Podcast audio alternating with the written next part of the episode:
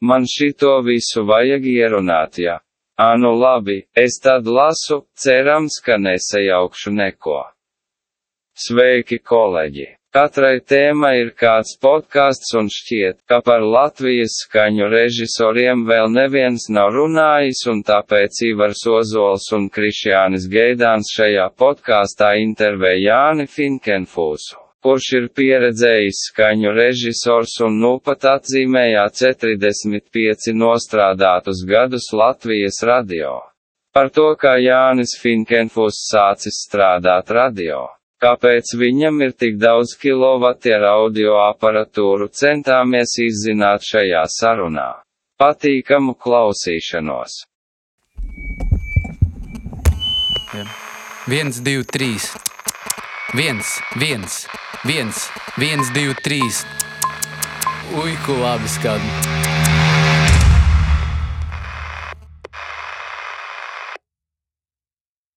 Pie mums ir ciemos, nē, mēs esam ciemos uh, noliktavā pie viena no vecmeistariem, kurš jau 45 gadus ir malis miltus Latvijas rādio.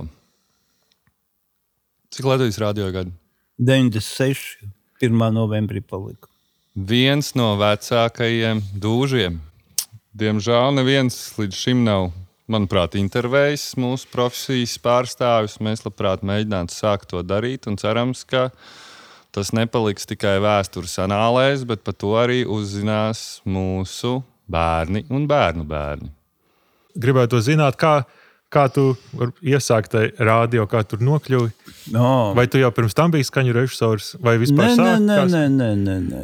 Es mācījos tehnikumā, beidzu 76. gadā. Un uh, krievu, nu, tie ir krievu laiki. Un tur gāja sadalījums. Mēs bijām divi kursi. Viens latviešu kurs, tas ir kursu, bet tā ir tīrā radiobūve. Un, un otrs bija krievu kurs. Tātad katrā kursā teiksim, pa 30 cilvēki. Es kaut kādīgi tiku sadalīju, ja es nemaldos, es biju 4. vai 6. Nu, tas ir pēc visādiem punktiem, kas tu esi bijis, vai tu esi piedalījies tur visādās pašdarbībās. Nu, mm -hmm. Es jau pēdējā gadā tur biju, kuras vecākais vai kā, un tas viss tie punkti sasumējās.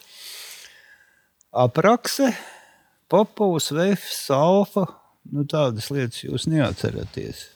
Komutātors, ja. Nu, un tā kā es biju Popovā praksē un priekšstādalē, bija priekšstādaluma pēc, nu, galīgā sadala. Tā kā tev tur nozīmē, kur tu ies strādāt. Priekšstādalē es pateicu uz Popovu, pēc tam es sāku domāt, nafik, tas Popovs. Un tur bija trīs vietas. Radio televīzijas centrs tajā laikā bija. Tanī laikā tā, bija apvienots ja radio televīzija kopā, tehniski bija kopā. Un tur bija trīs vietas. Es saku, es pārdomāju, es iešu uz to radio televīzijas centru. Un man bija no 1. augusta jāsāk strādāt. Tā kā 1. augusts bija svētdienā, tad es 2. augustā aizgāju uz to radiotelevīzijas centru. Tas jau bija te Agnēs kalnā, kur bija vecāta ceļa studijā. Tur bija katra daļa. Viņa saka, tu jau vagonielā dzīvo. Nu, labi, tad ies uz rādio. Tev tuvāk mājai, mm. nevis uz televīziju. Un tā es nokļuvu tādā transbrigādē, nu, kas tagad ir transcendents, kā Jā. saucās. Un kopš tā laika es arī strādāju radio. Bet tad tehniskā zināšanas augstskolā vai pirms tam? Es jau... iesāku augstskolu. Es sāku augstskolā, es nomācījos pusotru gadu. Un tam man paņēma armijā, es atnācu no armijas. Jo es domāju, nu, jāiet būtu turpināt. Bet tā tur es sapratu, nu, priekš, ka man tur es jau gadu to zinātnisko komunismu tur mācījos. Ej, nafig. À, no, nu, labi, tur padziļināt augstākā matemātika bija.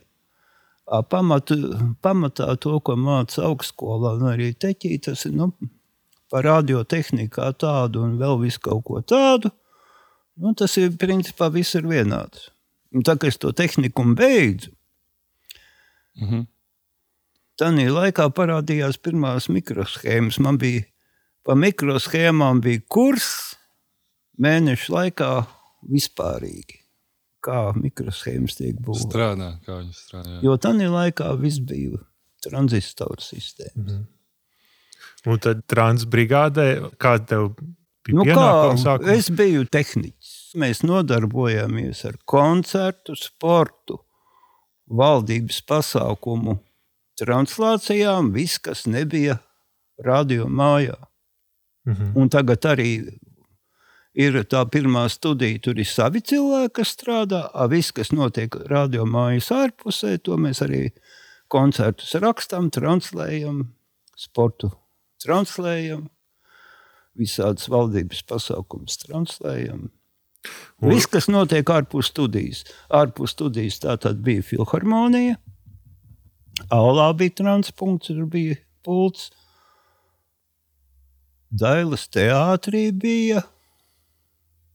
Es vēl atceros, eh, teiksim, Dailas teātrī, tā, kad es sāku strādāt, vēl nebija tā grubaļainā siena, kas bija ārpusē. Tad vēl viņi tikai cēla. Mēs ar pulci vilkām augšā un nu, iestūmām iekšā. jā, jā, nu, Čehina vēl pelēkā čehu pults tur stāvēja. À, un, lai nav jābrauc ar savu, kad jau Jā, ir- jā, jā. Nu, tā laikā uz to gāju. Nu, Filharmonijā jau ilgi bija uh, transports mm uz vietas, ko es apkalpoju. Pirmais moments, nu, nu kā nu es aizgāju. Mana pirmā translācija, ko es mūžīgi atcerēšos, bija jābrauc uz Daugo stadionu, futbols jātranslē. Mums bija tāds vecs vīrs, Kandrāķevs pēc uzvārda. Nu, un, protams, Gunārs komentē. Nu, brauks viņam līdzi, jo agrāk vispārīgi nu, darba drošības tehnika prasa. Nu, divi tādi. Lai būtu divi tādi. Divi tādi. Nu, principā tas jau nekas nav at- Nekas nav mainījies, tikai to bet, neievēro tik, bieži tikai to vispār neviens neievēro. Un aizbraucu uz Daugavas stadionu. Vecie telefoni, tajā viss gāja pa telefonu trātīm. Nebija ne interneta, nekas. Tev bija viens pāris skaņai, viens pāris sakariem. Uzgriezi veco kruķilku. Centrālai, nu mēs varam sākt. Viss- Piezvan pie Krišāniem. ne? Jā, nu, tas tā interesanti. Un tad, kad es nu, kaut kas tur jāsaslēdz, nu, man telefona atļauja pielikt klāt. es jau armijā biju sakarnieks. To jau nu, raģisti, jā. jā, jā, jā, jā. Un tam man tas krieviņš saka, tītaļka ničevo netrogai. Nu, tāda man bija pirmā translācija. Nu, protams, tas bija augsts, tas jau bija rudens. Nu, tagad jau ir tādas lietas atļauties stāstīt. Nu, ko, nu, Maziņais. maziņais līdzi sadalījām tri, u- u- tur pa katram pa graķītīm, lai nosauc tiešā, un tā, tā notika pirmā translācija. Vēl no tādiem pirmiem lieliem iespaidiem, nu, nu, nu kas tad es puika, nu, tur no 14 gadiem pats tur gitāru stringšķināja, jā, tur spēlēja pa baļukiem, nu, es neko, nu, nebiju redzējis tādu, nu, mikrofonu tur mācīju pieslēgt. Ne jau, ne jau vēl tas bija mācījies. Nu, kaut ko tur sakrutīja, lai labi skan ballē pašiem spēlējot. Man ieveda filharmonijā, un es ieraudzīju lielo pulti. Man acis izsprāga no acīm. ārā. Tā kā kosmos kuģis. Jā. Jā, jā, jā. jā. Nu, tādi tie pirmā, pirmie iespaidi no darba rādio. Pirmo reizi bailīgi nebija, kad tev iedeva. Nē, nu, protams. Tu saprati vispār, kas ir feiders un tādas lietas. Nē, nu, nu, es saku, es no 14 gadiem sāku spēlēt pats. Nu, labi, tur pastiprinātājiem pogas, augšas, apakšas. Nu, vairāk jau krievu laikos nekas nebija. Nu, tad tur vēl bija pults ar apaļiem kloķiem, nu, teiksim, tādiem sportiņiem. Jā, Tā kā, jā. tā kā Universal Audio. Pēc tam jau atnāca AKG pultiņš, tāds mazs diplomātiņš. Bija tādas. Mm -hmm. Tur bija astoņi mitīši. Nu, arī federītis, augšs, apakšs. Tas arī viss. Bet, nu, nu, principā, es nostrādāju gadu, man ņēma pirmo reizi armijā. Tad No es, darba vietas. jo, jo, jo. Ā, nebija tā, ja tu strādā, tad. ā, Nē, nē, nē, Ā, ja nē. mācies, tad neņēmi. Ja? Ja tu mācījies augstskolā dienas nodaļā, es jau aizgāju uz vakarniekiem. Ā, skaidrs. Jā. Tad es savas glupības pēc neaizgāju. Nokļuvu slimnīcā. Ā, falšu, mērķtiecīgi. Nē, nē, nē. nē. nu, jaunības dūlums. Ko tu sadarīji? Rēta man rekurī 14 centimetri. Mm. Lec pāri žogam, jo bija sestdienas svētdiena, tādī, nu, kur aviācijas institūts, tur jau viss savāds Rīgā. Nu, pie Vagonu parka. Visi pārlec, un es, protams, aizķēros aiz bleķa, man no turienes uz pirmo slimnīcu es nogulēju ar nu, smags smadzeņu satricinājumu. Wow. Tad es aizgāju atpakaļ uz rādiņu. Tur jau man komunisti negribēja ņemt, bet tomēr man paņēma atpakaļ. Tad es vēl strādāju, un tam maijā savācu otrais armijā. Un kur, kur tu dienēji? Nu, par to dienēšanu. Tur bija tā, no pirmo reizi es jau gribēju tikt zvaigznītē. Protams, Jā, tāds- spēlēt Nu, ar jā. visiem kopā. Bet tur bija tā laikā porietis Jānis. Zināt, varbūt esiet dzirdējuši. Dzirdēts, bet uh, Nu, nerādās bildi priekšā. Nu, viņš tāds. Viņš bija tāds, nu, vienlaikus viņš bija skaņa režisors radio. Es jau domāju, ka ar viņu tikšu iekšā un tur tā. It kā tur viss tas bīdējās, un, protams, viņš. Viņam es biju neinteresants, vai es viņam nepatiku. Nu, nu katrā gadījumā es tur netiku.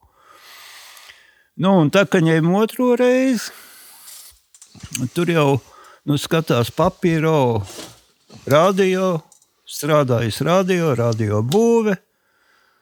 Un tu taču gribēji nopirkt. Nu, nu cilvēku, nu, armija izvēlās, nu, lai Nu, viņiem labākos, lai viņiem būtu speciālisti. Jā.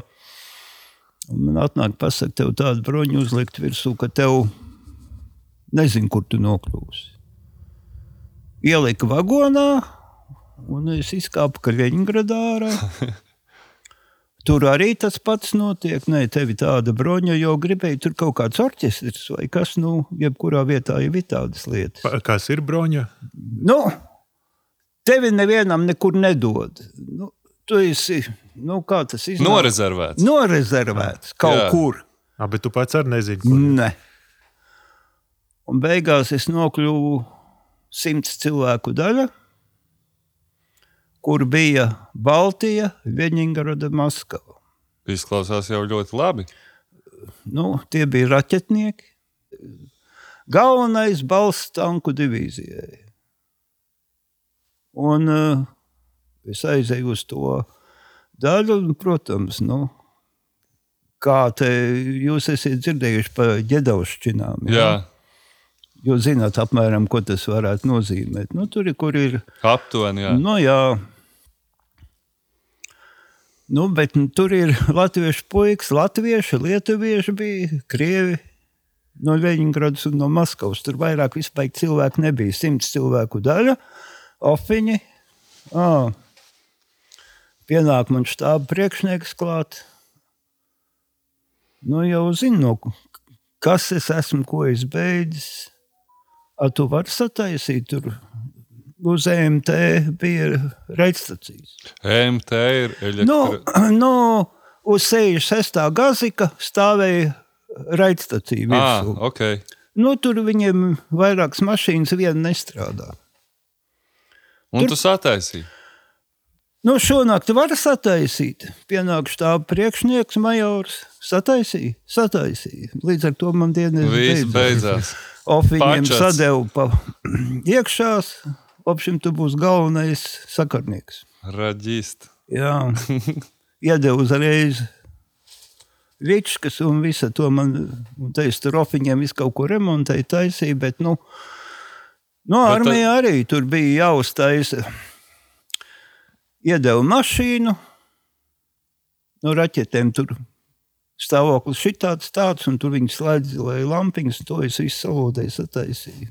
Tad, principā, tās zināšanas, ko tu biji ieguvuši šajā Jā. profesionālajā, Jā, tās arī jā. tevi izglāba. Un tādējādi tur arī jā, jā, jā. mācāmies, mācāmies. Nu, atklāti sakot, tomēr jābūt ir kaut kādām tehniskām zināšanām. Ja tu gribi tīri, nu, kā inženieris strādāt, nu, tam ir jābūt. Tur tās likuma sakarības tomēr tur pastāv. Jo daudz fizika. kas, jā, nu, teiksim, es atnācu no armijas 80. gadā atpakaļ. Nu, kā tur Es vēl nebiju piedzimis. Nu, Nu, jā. arī vai ne? 80. gadā notika dziesmu svētki. Un uh, mani kolēģi zināja, ka es jau esmu, nu kā, nu, dziesmu svētki jū, jūlijas sākums, jā. Nu kā es maijā biju atpakaļ, vēl par armiju. Man bija ofiņiem tur kaut kas jātaisa. Es saku, es jau to tikai Rīgā varu izdarīt. Un Tur bija jāsalodē trāni, tur kaut kas, lai mirgotu. Nu, tas nav būtiski. es saku, nu, man ģimene, man iedeva desmit dienas. Es atbraucu atvaļinājumā uz Rīgu. Un veči tajā laikā bija pirmā tūra uz Afganistānu. Tā es nenokļuvu Afganistānā. Wow. Aizgāja visi sakarnieki. Mm. Visi. Es atbraucu, Atgriezās. es atbraucu atpakaļ un uh, uz to daļu nav neviena sakarnieka. Uz to, kas bija tā Baltijas, ja, kur tu biji. Nu, Nu, tāpat, ja. pirmais iebrukums Afganistānā. Tas iznāk 79. gada. Pats uh, tur uh, decembrī beigās iebruka Krievi Afganistānā. Un tādā momentā es biju atvaļinājumā mājās. Mm. Nu, diemžēl. Es zinu, kas notika tur. Es zinu, pazīstu čaļus, kas Jā. dienēja Afganistānā. Nu. Un tādā laikā, nu, pirmā tūri, kas gāja iekšā, tur nāca cinka zārka tikai atpakaļ. Nu, tas, tā, tas ir pārējot, nu, tas tāds, Nu, realitāte. jā. Nu, jā, nu, atnāca atpakaļ. Un tad tur bija tāds Aleksējs. Jā, kā cilvēki nav nāks uz dziesmu svētkiem strādāt, nu, bet man vēl pienāca, tur laikam pēc armijas. Atvaļinājums. Jā, divi, trīs brīvs. mēneši. Es saku, nu, labprāt. Un tā es nokļuvu atpakaļ tādā pašā Radio. transenē, tādā pašā vietā. Un sāku strādāt dziesmu svētkus uzreiz pēc armijas. Tad 80. gada dziesmu svētki ir pirmie tavā mūžā. Ja? Nu, tā laikam sanāk, jā. Kur jā. tu strādāji? Tie- jā. Ā, bet Braucām ar ierakstu mašīnu, bija vēl vecā Skoda. Zilatā. Nē, tā sarkanā, tā pusapaļo. jā. Nu, tu esi noteikti radio bildes redzējis. Jā, jā, es bildes, es tikai pēc tam Nu, nu, jā. atceros tās zilās. Vilkām kabeļus pa lūkām. Cik jums bija mikrofona dziesmu svētkos? 80. gadā. bija liels, liels garš kopē, kopējais masts, uz kura laikam bija, ja es nemaldos, tur lika divus kondiķus un lika vēl kaut kādu dinamisku. Nu, rezervē. Jā, ja, ja, ja nestrādā. Un tad mē, tur bija speciāli taisīti tādi masti, kas bija tikai priekš dziesmu svētkiem. Tur nu, platāk, mm -hmm. tālāk, šitā pabīdīt. Un tā bija, ko mēs likām, nu, vecā estrāde ar visām tām malām. Tas ir tas, mēs jau mazliet viņu Tas, ko jūs mums stāstījāt, mēs pēc tam es- uzzīmēsim, kāds aptuveni izskatījās. Jā. saprastu. Bet cik tu biji tie masti? Sākumā, ja es nemaldos, bija trīs. Katrā pa divu mikrofonu. Plus dinamiskais. Nē, kopējais. A, kopējais AB pāris. stāvēja garais masts. Jā, Jānis, un tas bija AB pāris, tie kondiškas. jā, jā, jā. Un tad uh, pirms uh, pirmās rindas ot, bija tie trīs, pēc tam mēs likām laikam vēl divus, jā, pa malām. Un bija pie beņķiem pa vidu pieskrūvēti. Četri varētu būt, kur arī lika pa divi miķi. Nu, tas Ok. ir tālējiem korim. A, Kāda šāda tāda, piedod, tā, tā ideja, ka tādu vajag, tas ir da- kāds tur. Nu, tur jau laik, nu, principā tādā laikā strādāja pats Semēvits, vecākais. Nu, Diemžēl nezinu. Nezināt, jūs Nē, mēs- ziniet, ziniet Semēvits no simtās debijas. Un viņam sensis? Jā, viņam Wow, sensis. tad no turienes viņa. Jā, nu, tāds bija, komce, bija Silnieks Gunārs. jā tas zin- ir gan. Jā, tas ir. Operā, jā. Jā. Viņš bija transenē. Edijs Gņedovskis strādāja. Edijs, Jā. 80. gada. O, super! Ko jūs bija tāds kliesmanis valdis? Nu, to jūs nezināt. nezinām. Bija tāds Pauls Uldis, to jūs arī nezināt. 40 gadi. Principā mēs bijām 12 cilvēki, transenē un priekšnieks Vīģelis Jānis. Nu, un nedēļu mums deva uzbūvēju. Nedēļu. Nu, apmēram mēs, nu, die, es nezinu, tur, nu, bet mēs kabeļus vilkām pa šachtām. Ka, jā, kas tajā nedēļā, ko jūs darījāt? Savilkām visus kabeļus, savil, salikām, nobaudījām. Nu, līdz mašīnai kā atnāca. Nāca skaņa režisors. Vai nu Kārlis, nu, vecie uh, Pīnis, Pīnis. Kārlis, uh, Kulbergs. Jā, Nu, ve, uh, nu, tā. Jā. gada gājuma. Porietis Jānis savā laikā strādāja, ja jūs tādu zinat. tikai dzirdēts. Nu, jā, viņš arī bija skaņa režisors. Jā, pīni var vēl. Un, un cik tad kanāli tur bija tie trīs, ma- un vēl tie, cik atceries kaut kanālu skaitu? Tur nu, kopā jau daudz sanāca. Bet tie visi tika miksēti uz vietas un Jā, rakstīti divos jā. kanālos, vai ne? Jā? Jā, jā, rakstīja divos kanālos, translēja, vienmēr radio deva skaņu televīzijai. Mhm. Tā tad, ā, un augšā kreisā pusē tur ir logi. Skatoties Ā. no publikas puses, Nu, protams, Jā. no publikas puses. Tur augšā bija diktora studija, kur nesa maģis, kur spēlēja visādas mūzikas. Mūzikas. Jā, jā, jā. Ah, un kur vispār atradās piemēram, tā miks, tiešraides miksēšanas vieta? Mašīnā. Bet aiz, aiz, aiz mājas vai sānā? Kreisā pusē. Tagad arī tur stāv. Ja jūs esat. Nē, tagad tu stāvēji labajā pusē. Tas bija pēdējā, Jā, pēdējā tās pēdējās. pusē. Bet tad viss atradās kreisā pusē. Ah, ok. Tur stāvēja televīzija, mēs stāvējām.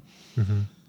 nu, cik tur bija? Tai 24 kanāla pults, vairāk jau nebija. Tas jau bija kosmos. O, tā bija tā čehu vai jau kaut Jā, kāds? Čehu pelēkā pults vēl bija.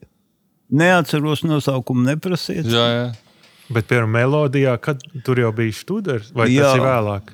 Nē, nu, tas bija tajos pašos laikos, Jā. Cik es atceros. 179. A jums ne- tad neskauda, ka melodijā ir tāds, tur bija students un noimani, bet radio jau nebija vēl tāda, vai arī bija jau tāds? Bija uh, operā karājās Noimaņa vecie, nu tie Jā. 57.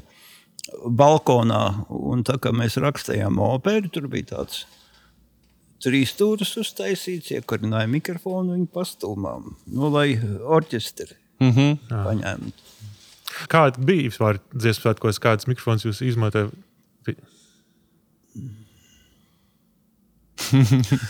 Nē, es atceros, bija kaut kādi kondeķi, lampinieki ar barošanas blokiem. Wow. Jā, jā, jā. Vācu vai krievu? samelošu. Filharmonijā man vēl bija kaut kāda austriešu mikrofona, viens pāris. Un, bi- un uh, savā, nu jā, bija ļoti daudz. Un šitie te uh, lampinieki filharmonijā, modeli neatceros vairāk. Arī kaut kāds AKG vai kas viņš bija. Oh. Nu, tādi. Tā, jā, bet tā ne Sovietu ražojums. Nē, nē, bet- nē, nē, nē, nē, nē, nē, nē. Sovietu ražojums pat ļoti maz ir bijis, ar ko man ir saskaršanās.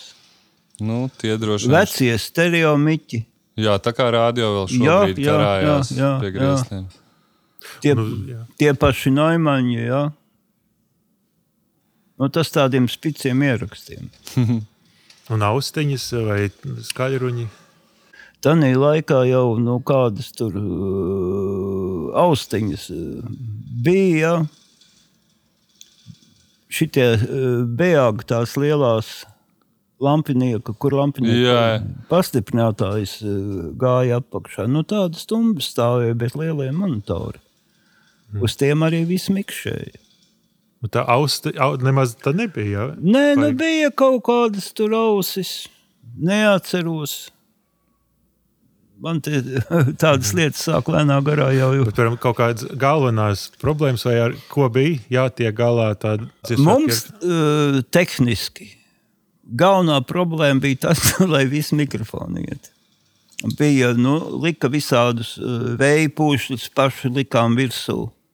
Tā ir no stīpiņām uztaisīts aplis, kuram lika apkārt zeķi. Zeķi. Jā. Labākais popfiltrs. Jā, Melna vai brūna? brūna laikam, nu, zeķu bikses kaut Jā. kādas. ir. Sieviešu zaļbīgs. Jā. Nu, jā, es tajā es vienkārši domāju, tajā Un, laikā. nu, uzlika virsū un viss. Uh, nu, to atrisina, un tad, uh, nu, principā, miers vai, vai kaut kas arī Nu, nu, varēja noiet greizi. Pašā Nē, nu, ja kaut kas notika. neiet, nu, tad tu da- kaut ko skrējām, mainījām. Bet nu, parasti uh, Tanīs laikos, Krievu laikos, regulāri taisīja profilakses. Visām pultīm, visiem aģiem, visai tehnikai, tev bija nozīmēts datums, tādā un tādā dienā mēs ejam teiksim, uz filharmoniju.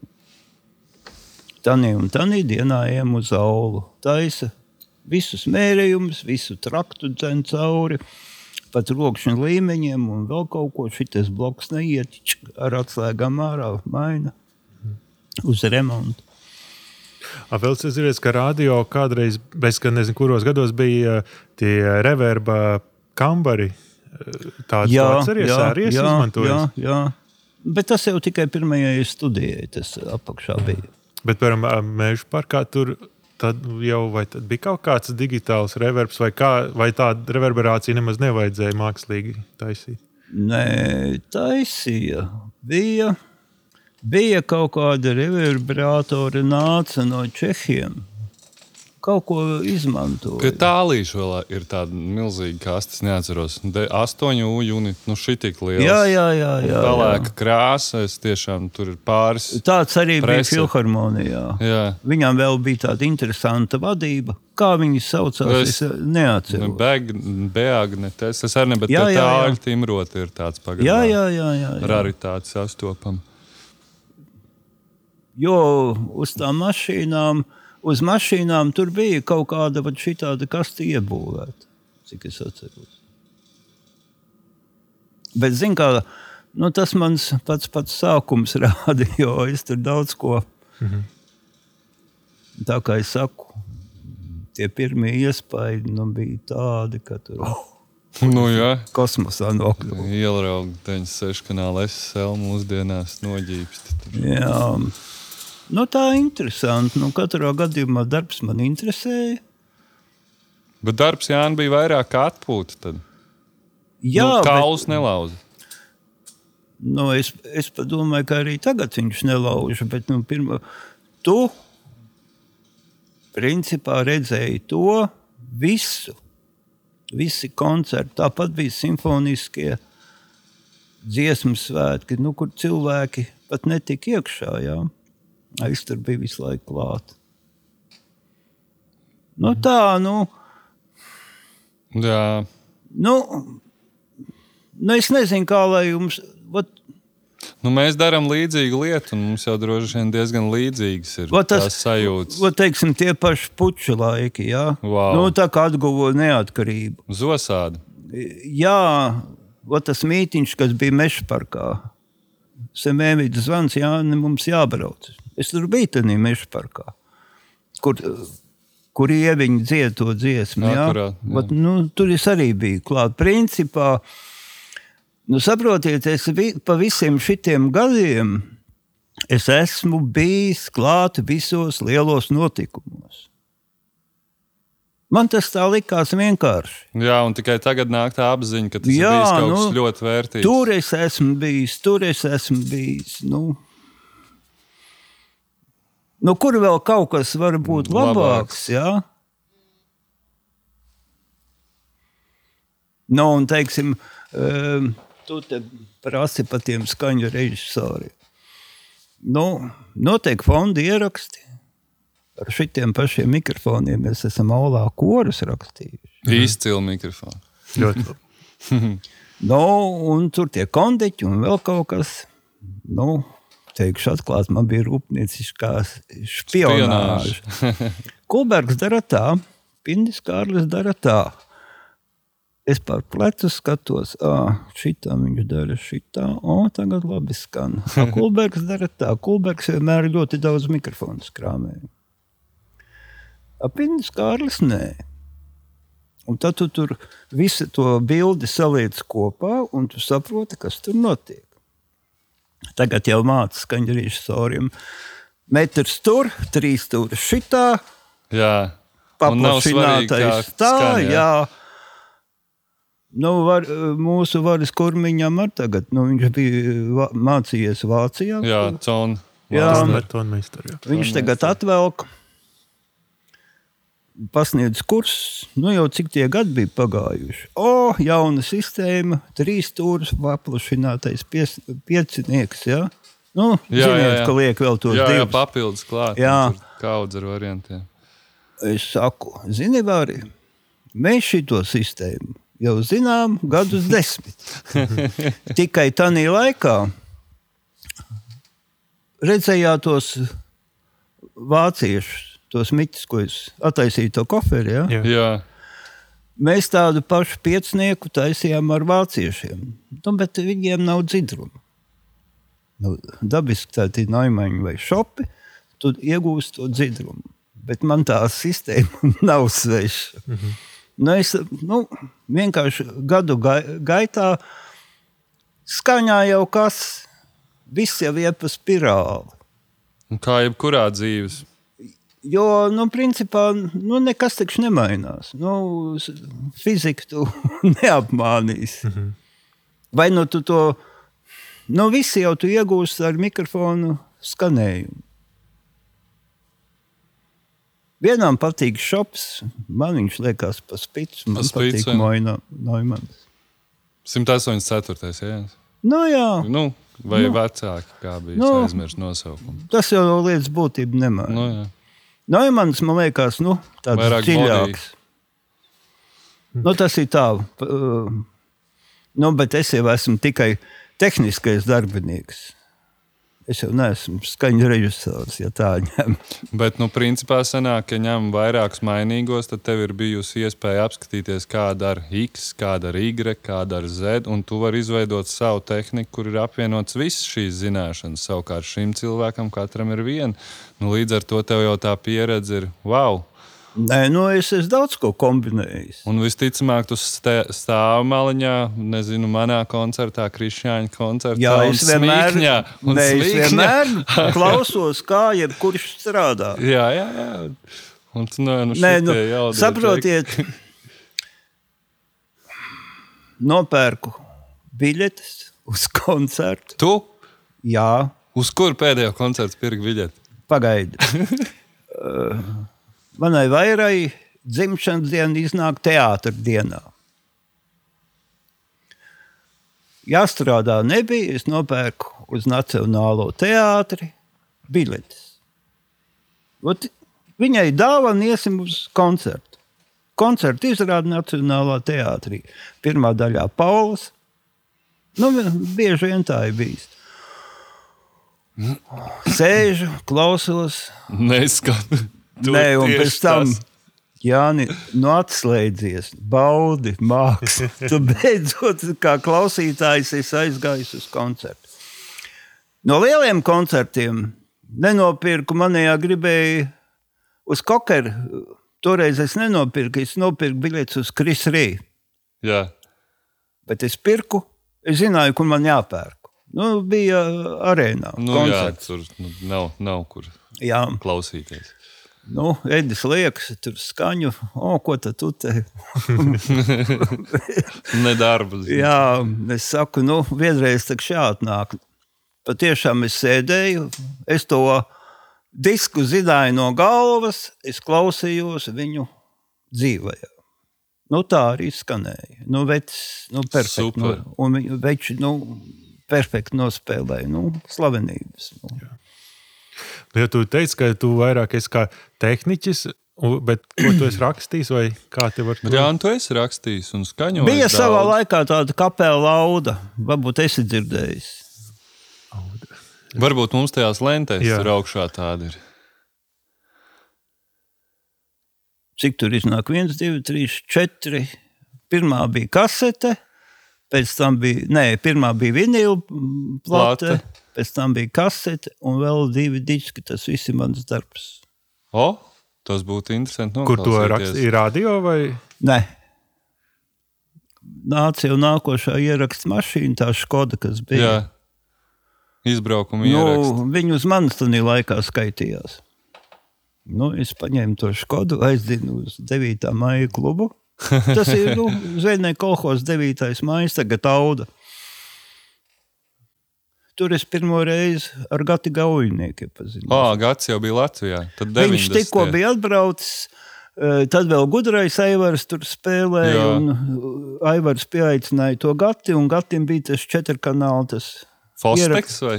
ieraksta maģītis. es tur sarakstīju to visu pamatu, tad uzrādījās Gatis. Un tam mēs tur tos gitāras soliņus un balsi caur to viņa sistēmu sarakstījām. Tur ir šādi, būs jāatrod. Jā. Auda. Uzliec tādus, uh, YouTube mēs varam uztaisīt pauzīti, paņemiet liepu ziedi, audu. Jā, ierakstiet. paņemam pauzīt un paklausāmies audu. Jā, labi. Nu, lai jums būtu skaidrs, ko es esmu darījis. Yes.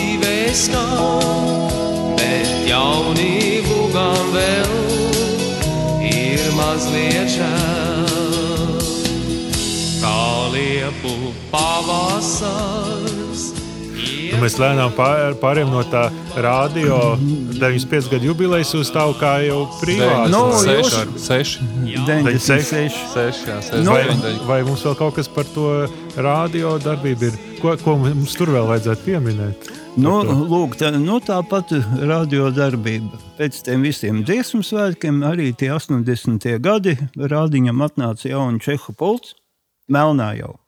Es domāju, kas bija radio pirmā studijā arī. Vai tagad ir kaut kāda čehu pults? Kas tā Nē, ir? nē, Nē, nē, tagad nē. jau ir viss tūlītās Tanī mainījies. laikā uh, rādiņam uh, pirmā studijā stāvēja ņiba. Ah, jā, pareizi. Nīva. Jā. Nīja. Krutā. Jā. Jā, Starp citu, jā, izstāst no kur savas pozīcijas, kur ir, nu, mēs zinām, ka daudz kas noklīst, ā, tiek norakstīts, bet ir interesanti, kur tad ir šī nīve aizbraukusi, kurā studijā viņš šobrīd varētu būt. Um, godvārds es nezinu. Es zinu, ka tur, jo tā, tas uh, viss notika rādiņa iekšpusē. Ap pirmo studiju. Kāds kaut ko atrada vai nopirktu jaunu pulti, Oktagonu, ja? Jā, šito kaut kam deva vai pārdeva, kā tur notika. Es nezinu, bet es tikai sapratu to, ka viņa tika kaut kur aizvesta, un cik es saprotu, tā pulci tagad darba kārtībā. Jā, jo tas ir tāda relikvija, kas E, laikam vēl gadus simts būs. Viss, viss jau notika iekšā tā, no tai pulti bija gadi, ana, analogā pults. Nu, principā. Žūst kondensātori, un, un, tas visi, jā, un tas viss ir jāmaina. Un izrēķināja, ka tas ir par dārgu.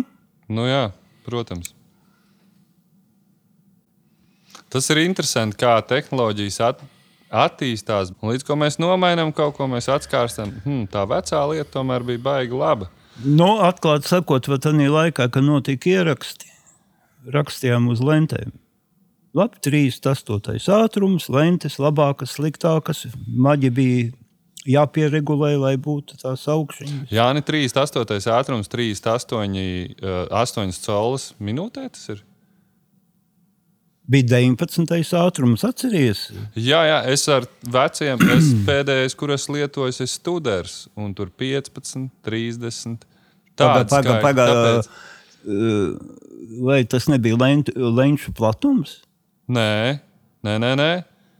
30 inch per second, 25 inch per second. Nē, 15. nē, STM man bija Ai, es 19. tāpēc, jo STM man stāv arī viens uh, no Tur filharmonijas. 19. Jā. Jā, mhm. Un tur bija tas bija. 19, 38. À, nu, interesanti, ka ot, uh, Sovietā bija šādi ātrumi, savukārt ārpus Sovieta bija savādāk. Nu, varbūt es neesmu Nē, tā redzējis. Jā. taču ir. Jo rekrutācijas lenses tā tur arī rakstīts 30, 15 un šādi. Nu, jā. Un šo pašu audu rakstot, jā. Nu, tur tas dziļums ir savādāks, un viss tādā lentā skan tomēr savādāk nekā tagad digitāli. Mēs ierakstām tādā kompī, jā. Es neko nesaku. Viss ir labi, bet šā vai tā mēs sākam attiekt atpakaļ uz analogajām pultīm, jo tas tagad skaitās krūta. Ja? Bet tur tādā pultī ir kaut kāds nu, dziļums iekšā. Vai tu vari kaut kā vēl nodefinēt, kas rada šo dziļumu? Kaut kāds, ja tu esi mācījies fiziku, varbūt tu vari pateikt, tavuprāt, kas tad ir šis, kas Nē, nu- dziļumu? Nezinu, man tāds iespējas paliek. Viņš tomēr kaut kādīgi savādāk viss tas skanēja. Es saprotu, es esmu Ilentēs rakstījis, ir data kasetēs, ja, kas bija kaut kāds pārējais posms līdz uh, kompiem. Ja. Un kā bija datu kasetē? Bet tā arī bija tāda pārēja, jo ne, kur, kurā gadā datu kasetes tad radio parādījās? Kurā gadā aizgāja pa burbuli uh, Estoniju? Man bija 14 gadi, vai pat mazāk. Un tie arī kaut kādi 8, 93, 4. Nu, jā, 93, 94. tiešām Tajā nezinu, laikā mani no rādiņa aizsūtīja uh, uz kursiem uz Zviedriju, uz Zviedrijas rādio. Tu varbūt brauc arī ar šo kuģi dienu pirms. Nē, mēs braucam no Rīgas uz Norčepinu, tad negāju uz Tallinu pa taisno. Tur vēl bija Kundrāts Vilnis, Slavs O! Armons, brauca, es braucu. Mēs kaut kādā pieci cilvēki vispār uz turiem braucām. Un tad tur bija lekcijas, tādā laikā pa tiem datu maģiem, kā, kā formēt un ko nu, teiksim, tāds tehniskais kurs. Kaut gan tādā laikā uh, nu, Zviedrijas radio. Nu, viņam tur tā studija, kas ir tādā kalnā iekšā. Stokholmā. Nu, tā tur Wow! wow, ja? Vēl viens, ko es, eh, un, un tā jau cilvēki arī dara, viņiem ir simfoniskā, sim, simfoniskās mūzikas koncerts, tur teiksim, sestdien, pirmdien vai otrdien viņiem sākās mēģinājumi, skaņa režisors sēž klāt, izliek miķus tur, un tad viņiem tur tādā studijā jau tās plates, kas tur bīdījās, cik es Tu vari mainīt reverbu, Jā, jā, jā, jā. cilvēki pie tā koncerta strādā Nedēļu. visu nedēļu. Mums ir kas, mums nav resursi, mums nevar nodarbināt cilvēku. Nu, tur jau iznāk vairāk cilvēku. Protams. Ir tehniskie, jā, tur ir mašīnas, un tur iet un sēdēt tur mēģos un mēģināt. Un, un, un, un mēs aizbraucam no rīta mēģinājumus, notranslējam, novācamies. Lai tu gribētu labu rezultātu, varbūt arī pie tā būtu jāstrādā. Tāds ir mans uzskats. Respektīvi, ir nonivelējies. Nu, Jā. Nu, diemžēl. Bet Latvijā kādreiz tā strādāja. Ja, Nē, Latvijā tā nav strādājuši. Jo agrāk jau mm, bija tik daudz koncertu jāraksta. Diemžēl. tas tāds jau tradīcijas. Vai pierast, ka tas tā, tā notiek? Un... Nu, jā, nu, jebkurā, jebkurā vietā, nu, līdz ko tev jā, jātērē līdzekļi, nu, kaut gan nu, tev ir darbs. Nu, Tev jau arī nevar nu, noslogāt, noslogot septiņas dienas nedēļā. Ja? Jā. Nu, nu visādi. Jā. Nebija doma par pasaules kaut kādu iekarošanu, kas tur notiek tur vai šur. Nē, nu. Es jau esmu tehniskais. Sāksim ar to reizi skaņu režisoriem. Varbūt eh, viņi jau tagad arī brauc. Jā. Nu, mani no darba aizsūtīja. Lielas paldies! Es daudz ko nu, redzēju, to, kas notiek kaut vai tādā pašā Zviedrijā. Nu, tas var bija sasniegums, ka man vispār aizsūtīja uz turieni. Bet tu jau rādi tajā tran, trans, kā, var, kā, nos, kā sauc vispār eh, translācijas busu. Ir kā tāds īsai tā, translācijas bus, tā arī Nu, kā? video PTS. pe, tad, video. Pe, Nu, tas ir uh, televīzijai PTS. Nu, mums skaitās ierakstu mašīna. Nu, nu, vai kā? Translācijas būs ir tas, uz ko es. Tā kā būvēju pirmo busu ar šķīvi pie radio. Ja? Viņš bija uztaisīts, un tad notika balsošana. Tas pats Stengels Aivars, burmistrs, kas tur mums vēl bija. A, Kurš tad tagad strādās? Jūs izlemjiet. Protams, kaut kādīgi man tur kolektīvs Jānis strādās. Nu, labi, nu, ko es spirnāšos pretī. Un tas ir kaut kas jauns bija, un kaut kas interesants varētu būt. Nu, nu, ar to šķīvi ir tā, ka tur nu, ir jāzina, patiešām tur ir jāzina. Atklāti sakot, eh, tas viedrs bija toreiz atnāc, atbraucis, nošķīmēja to kanālu. Tur ātri ling, ling, ling, ling, šitas būs, tas būs, viss. Un tu paliec. O, Un pirmā, un, un pirmā translācija. Un es braucu ar trīcošām rokām. ideāli. Saprotiet, ot ir tā, ka tev ir tāds stress. Ideāli. A, kāds teica, ja trīs rokas, tad, tad, tad tu neesi. Kas to teica? Es to teicu. to Es teici. to biju lasījis. viens producents, kas ir Big Ball. Nē, nav- nu, saprotiet, nu, pašā sākumā jau man jau arī neviens neko neteica. Jo, principā, bija automātikai jānoliekas uz kanāla. Mans gudrais šofērs, Arais Andris. Es visu zinu, jo viņš jau bija klāts, kad tie zviedri bija. Un viņš tikai spaida, reku tagad uzcelsies, reku tagad nolaidīsies un nospiednē to pogu. Un tur viss to atmiņu nodzēs. Nu, bet tā kā visi priekšraksti jau bija, viņš tur līdz nākošajai translācijai sabakstījis bija kaut ko vietā. Neiet, nu labi. Viņš jau nepateica. Jā? Nē, viņš klusēja divus gadus. Nu jā, un tā es sāku ar to satelītu. Jā, tur bija tā, nu, piecas translācijas nedēļā sākumā. Katru dienu.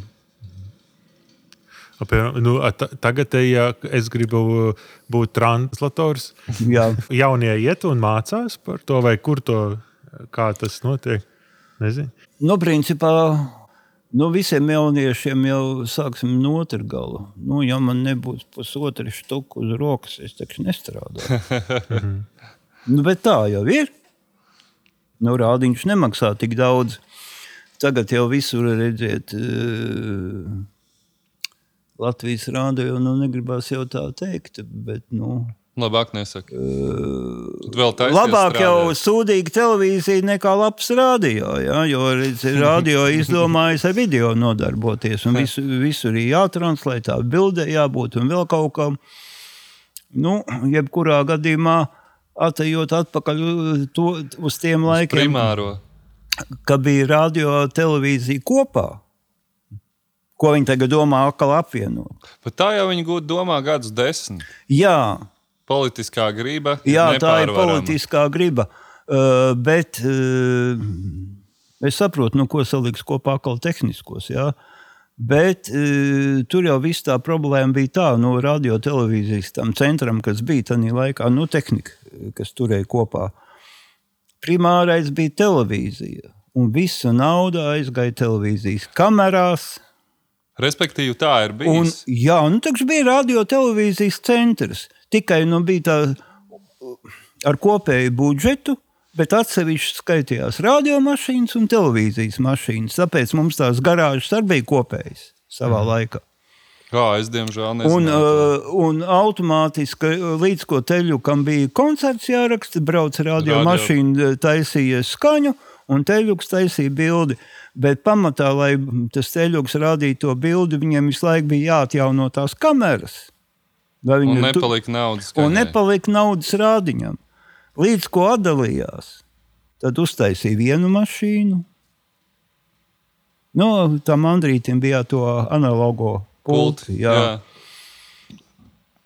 Uztaisīja satelīti, bet nu, to jau taisīja tikai tāpēc, ka eh, tā kā bija Paulam pēdējais ziņģis koncerts, tur no viņa mājām. Nu, viss gāja pa telefonu vadiem. A, Tad Latvijas komisāra lika bloķētājus, kas nelaida tālāk frekvenci cauri. Viņš kā telefons kā skanēja. nu, Jā, jā, protams, nu, ir ierobežots spektrs. jā, 6,5 jā, jā, jā. tūkstoši, un tur Nu, kritums. protams, tā jau Un tad tas pats fizika. Sems izdomāja, nu, lai nebūtu tādas problēmas, jāpērk tas šķīvis. Šķīvis. Jā. Un tā kā viņi uztaisīja, nu, es spēlēju disku, un skan viens pret viens. un es, teiksim, viņš uzpūšās augšā, nonāk lejā. Nu, es uz savu ausu atšķirību nedzirdēju. Tad Jānis nedaudz kompromitējošs jautājums. Mums, kā skaņu cilvēkiem, televīzija lamu vārds. Vai tu varētu pakomentēt, kam dēļ mums šāds ir radies? Redziet, nu, es nezinu, te jau ir tomēr vairāk pa bildi. Ja? Nu, ir tā, ka mēs ar Krišjānu skaņojam koncertus, un, ja ir televīzija, mums ir tieši tas, ko tu teici. Jūs sapratāt vienā brīdī, kad uh, caur vadu jums zūd kaut kāds spektrs. Mēs to pašu saprotam, ka tas, ko mēs no koncerta raidām televīzijai, pēc tam klausamies, tas skan savādāk. Ir gala apstrādes, Jā. Ir monostereo, jo, ja tu pasaki bieži vien stereo, tad ir beig beigās divi monokanāli. Mm. Kam dēļ vēsturiski tas tā ir radies? Tavuprāt, Principā stereo jau varēja sen translēt. Arī radio visu laiku uh, mono, ja jū, nu, jūs vēl jauni, jūs neatcerieties. Stāvēja divi raidītāji, kur bija piramička uzlodēta. Un tā kā izdomāju stereo, tā viņi pārgriez. jā, Un viss. jā, Tā bija redundants. jā, tas ir runājot par radio. Nu, bet divi raidītāji stāvēja. Nu, tagad jau ir modernā tehnika. Uh, televīzija jau vēlāk uz to stereo pārgāja, kā jūs saprotat. Pie Mums Bet, bet radio tā kā mid-MS, ne? Midside, jā. Midside. jā. principā rādiņam jāiet visur stereo programmai. Nu, Kas nē, notiek pa perifēriju, es nezinu. jā, līdz ko signāls nav, kā tu teici, tad šis mūsu fizika papildina, kas mums ir diezgan vājš. Lauciņš, ja tu izbrauc perifērijā, tad droši vien ir viens šis raidītājs. Nē, ir, ceram. visur ir jābūt stereo raidītājiem. Mašīnā braucot, pārslēdzās. tas mans signāls atnāk līdz radio mājai, līdz radio centrālai. Viņi uzkomutē uz jebkuru režiju. Nu, Ah, jā. bet eh, pirms viņš aiziet, teiksim, uz Zaķa salas torni, tur stāv aparāts kaut kāds, kā viņš saucās, Orbāns vai kas. Mhm. Multibands, ekspanders. Jā, un viņi vispār. Viņš pabraukās tev līdzi, jā, nu, teiksim, arī uz to pašu klasikas koncertu. Jā. Meitenei nu, pēkšņi jāizskrien uz to lietu. Tur tas mikšers ir nolikts. Nu, līdz ko ir tā skaļā vieta, ka u- forte un uzsipa to timpānu, un tur man aiziet līdz sarkanam. Tad radio mājā viss tas nostaigā. Nu, tas Nu, gala jā. apstrāde, jo tu nedrīkst pārstāvēt ra raidītāju. Tātad viņš tur nostrādā uz to līmeni. A, Kādos, jā, vis- šobrīd mūsdienās kāda eh, to luf, lufos tu skat, jūs skatāties vai Mm, Kādā skaļumā Man tāda sistēma, teiksim, satelīšu mašīnā nav. Slava Normons tagad uh, uz studiju vistu mm, palaida, uzlika tur to.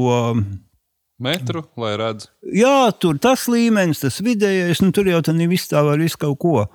Kolorometru ielikt, lai tur nu, palaida pilnu programmu. Parasti visu laiku strādāju uz Pīķis un RMS. Jā. Ieraksts ir ieraksts, tur jābūt dinamikai, ko mēs rakstām. Koncerts kā tādus. Vai klusās, vai skaidrā, uh, Skaļās. skaļās vietas. To oriģinālo ierakstu ieliek Fonotēkā. fonotēkā, bet oriģinālo nevis saspiesto. Un tad, kad iet, uh, viņš iet uz raidījumu vai ko, tad tur uztais to gala apstrādi. Es nezinu, kas tur notiek.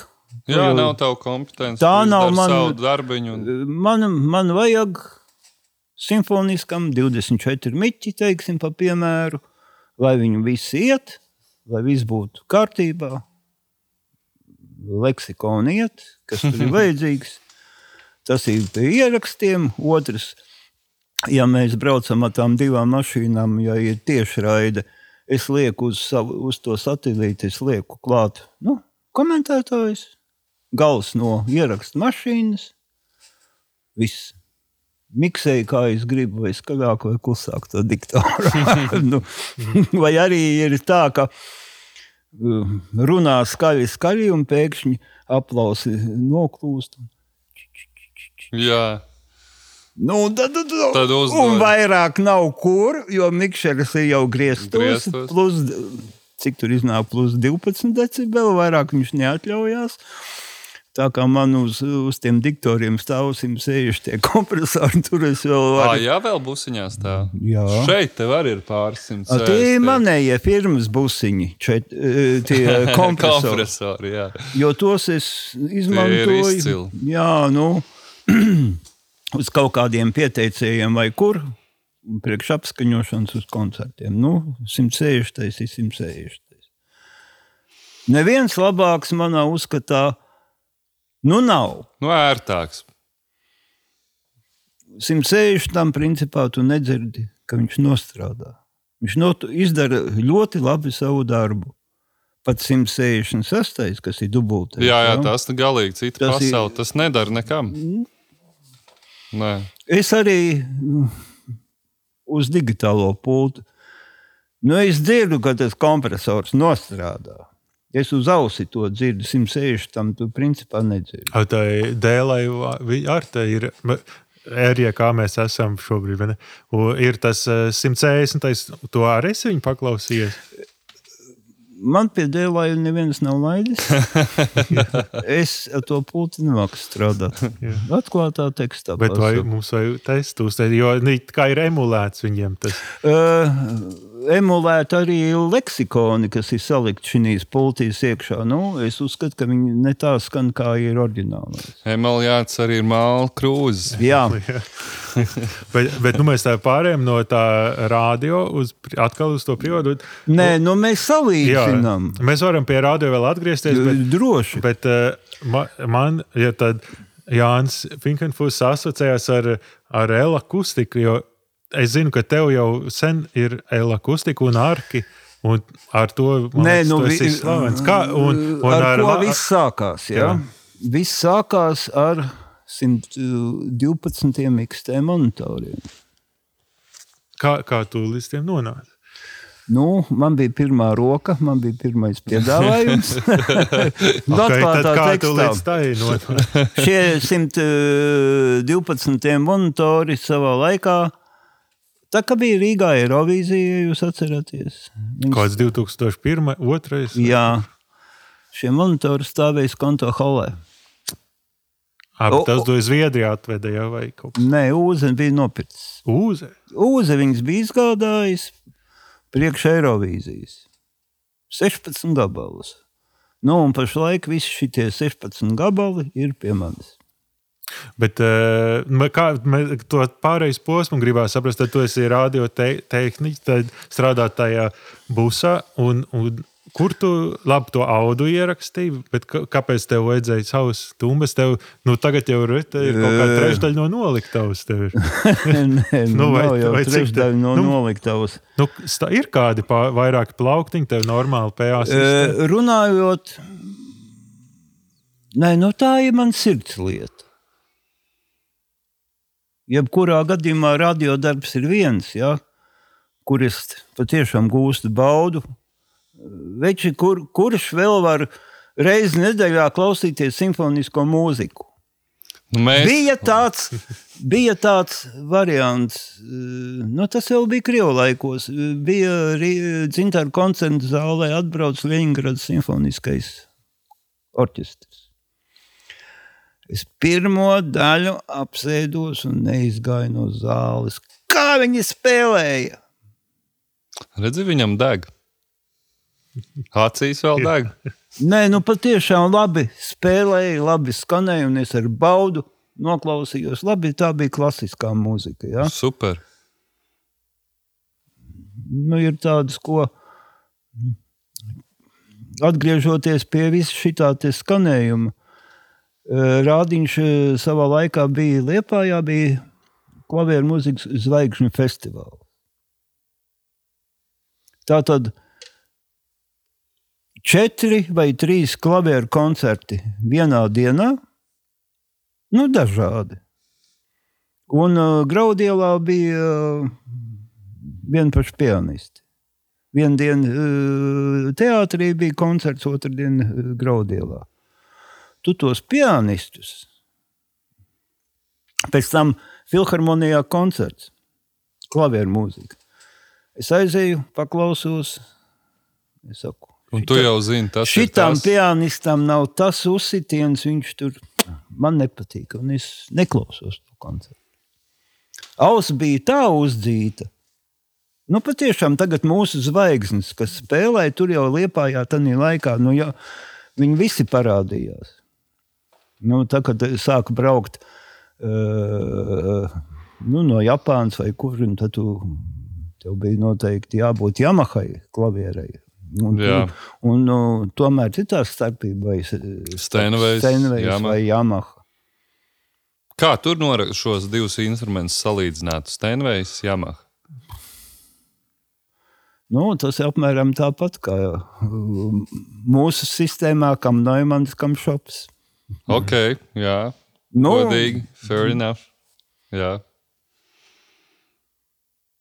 un katram ir sava skaņa. Nu, un, ja, tas, jā, nu, tas ir tāpat kā jums apskaņošanas meistariem. Tu pārstāvi šo firmu, teiksim, Digako. Bēriņģeri. Nu, kaut vai Bēriņģeri. Es strādāju uz Bēriņģeri, varu nostrādāt, varu. Bet es esmu pakļauts šai firmai, un tu man liec Digiko. Jo manā viņiem līgums, un es uz citu pultu nestrādāšu. Nu, Piekrīt tev, Jā. Tā ir. Tas ir apmēram tāpat. Nu, Nu, kā jūs zinat, man taču viena firma pieaicināja otru, ko es esmu kopā strādājis. Atnāk no krieviem reideris, šitādai pultī jābūt. Jā, jābūt šitādai. Atbrauc skaņa vecis. Viņš neko nemāca. Jūs, jūs man palīdzēsiet, es šito pultu nezinu. Nu, ko tad tu raksti? Bet viņam vajag. Kā tev ir vispār eh, tavs tas eh, parks, tehniskais, ko tu vari apskaņot? Nē, nu, tehniskais parks. Nu, tā jau jāsaka tā. No gada iet uz priekšu, un skaņa režisori jau izvēlās, uz ko viņi strādās. Es domāju, pēc nu, izmēra, nu, šo, mēs tikāmies tajā smiltenes svētkos. Tev tur tāds, tāds pāris tūkstoši uh, pilsētas svētku. Tu vari uzlikt uh, nu, PA sistēmu, bet Es arī, Vai? e, tad, kad RIK, kāpēc RIK uzlu- uzrunāja, e, lai liek skaņu ādažos? Jā, Uzrunāja jau pa skaņu mani. Jo uh, es biju, nu, es iepirku tos elokustika karkus. Pirmā gadā es uzliku astoņus, nu, pat četri katrā pusē. Nu, bet tad jau tas bija pirmsākums. Pirms tam kaut ko es biju strādājis, kas Cik Jānis tas ir gadi aptuveni ap, atpakaļ? Kurš gads tas varētu būt? tas nemaz nav tik Intereses daudz. pēc. Nu, pieci gadi atpakaļ. Tiešām tik maz? Jā, seši. Wow, ok. Jā. Nākošā gadā es sarunāju ar lietuviešiem, man pieveda klāt, es jau liku pa sešu katrā pusē. Jā. Un pie, tie pilsētas, tie ir kaut daži- 20, 30, tāda liela. t- Nu, 20 kā, nu, nu, cik cik ir? sanāk? Nu, Daudz. Tas tev nav mājas balī. Krišānam būtu jāzina. Viņš nevienu vienu gadu tur ir strādājis. Cik tur ir Uz tik vie, vienu gadu. Tur tāda gara desa sanāca. Tās skatuves izvietojuma vietas ir dažādas. Pirmā reize sākās skatu bija vairāk uz tilta pusi, kur tā, tas ceļš. Jā. Nu, un tad bliezu. Nu, bet īstenībā jau stāsts nav par to, bet vairāk, jā, ka, ka tev ir tāds elakustika tūmas. Tas eh, ir īpaši, kad tu sāki, tad jau Latvijā nebija daudziem ārki. Tev bija vienīgajam vai- un pirmajam, ne? Nu, šī ārki pat varētu teikt, ka vienīgā vēl joprojām. Nē, nu ir eh, šādi arki, ir stāv.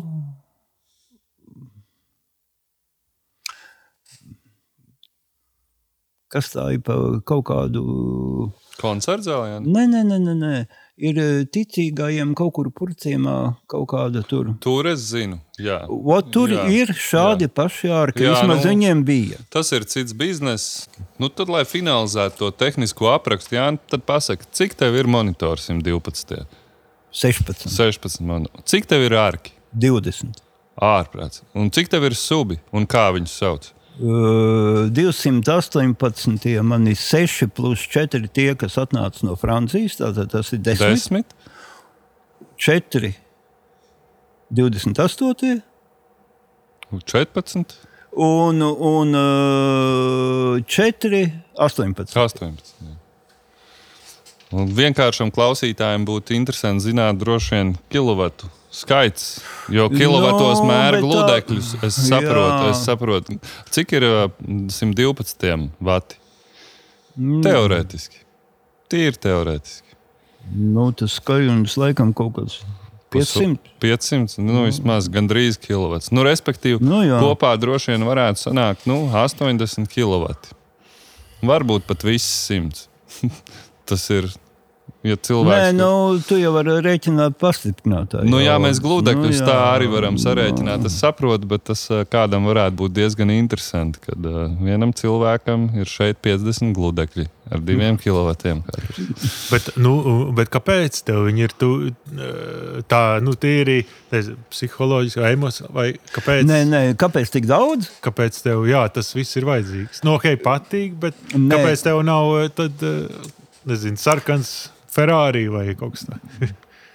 Ko tu ar to gribi panākt? Krišāna izcils jautājums. Nē, nu. Es nekad neesmu bijis ma mašīnu fans.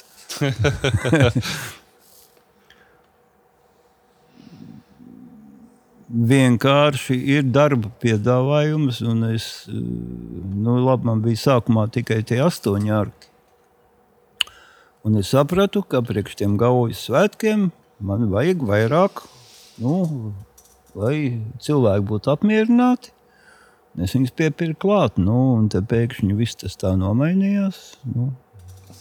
Es domāju, uz priekšu. jā, Strateģisks plāns. Jā, bet, nu, diemžēl, um, nu, ja tu, man ir tāds uzskats, ja mēs runājam atklātu valodu, tad mēs runājam atklātu valodu, bet ne, nedaram aizmuguriski.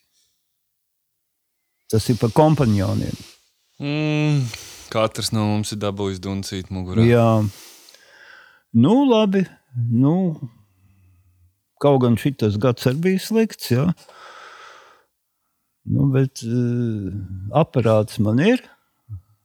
Ja man vajag, nu, mīnus četri, jā, četri arka man šovasar neizgāja ārā. Pārējais man viss izgāja ārā. Tad jau nemaz nav tik slikts gads. Nē, nu jā, bet nu, tas sakrīt vienā dienā. Tev ir jāuzliek tur. Tev jau, nu, ir pašā Waterfestā. Beig, beigās mazā skatu, kura aizgāja arki. Uh, dienas pasākums, kur tie dīdžeji spēlē. Nu, izņemot vakar koncertu, jo tur stāv čudo. Pārējie arki visu laiku strādāja. Nu, teiksim, nu, nu, piedāvājums ir, es neatsakos. Mhm. Man patīk aizbraukt, pastrādāt.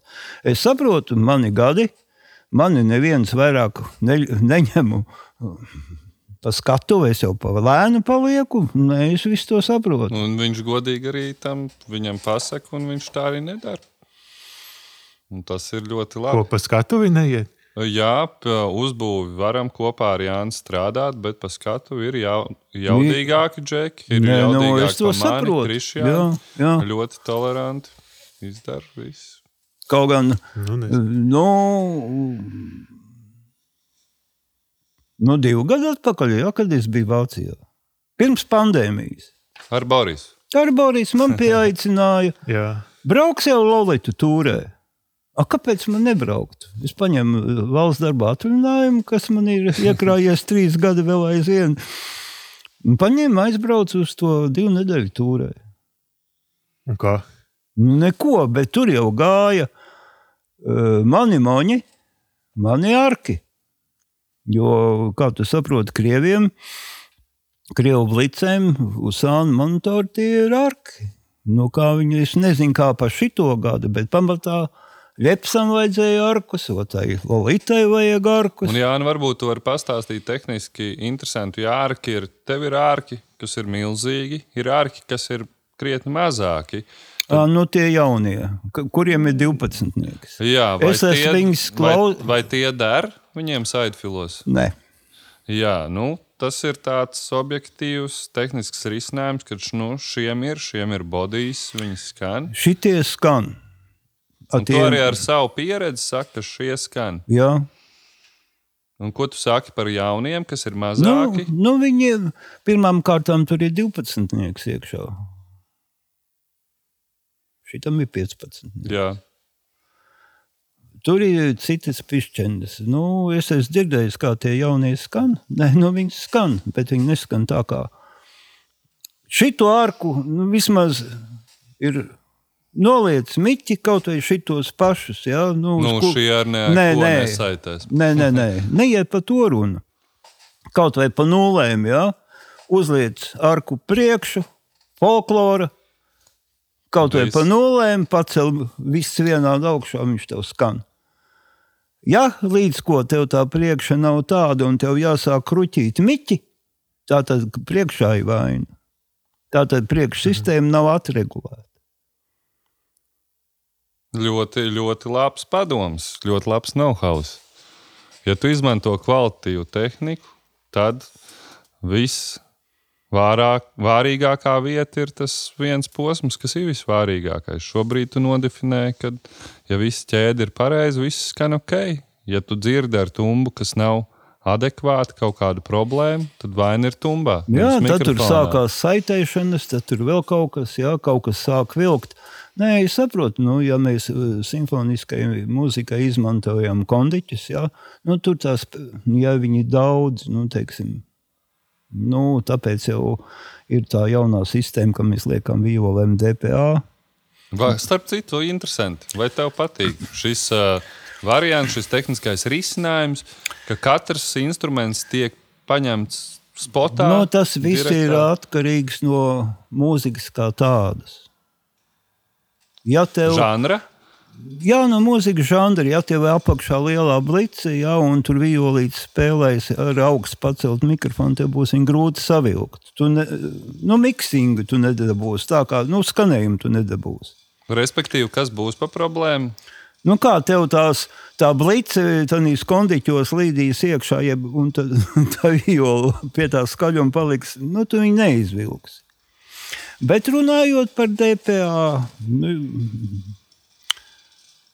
teiksim, par klavieri kā tādu. Jā, tie maziņie klavierēs, slinkuma mikrofoni. Jā, bet veči, es esmu jau divreiz ar šito sastapies. Ļoti labi. Tas ir tas, uz ko es arī ve- vedinu. To. Ieliek to DPA.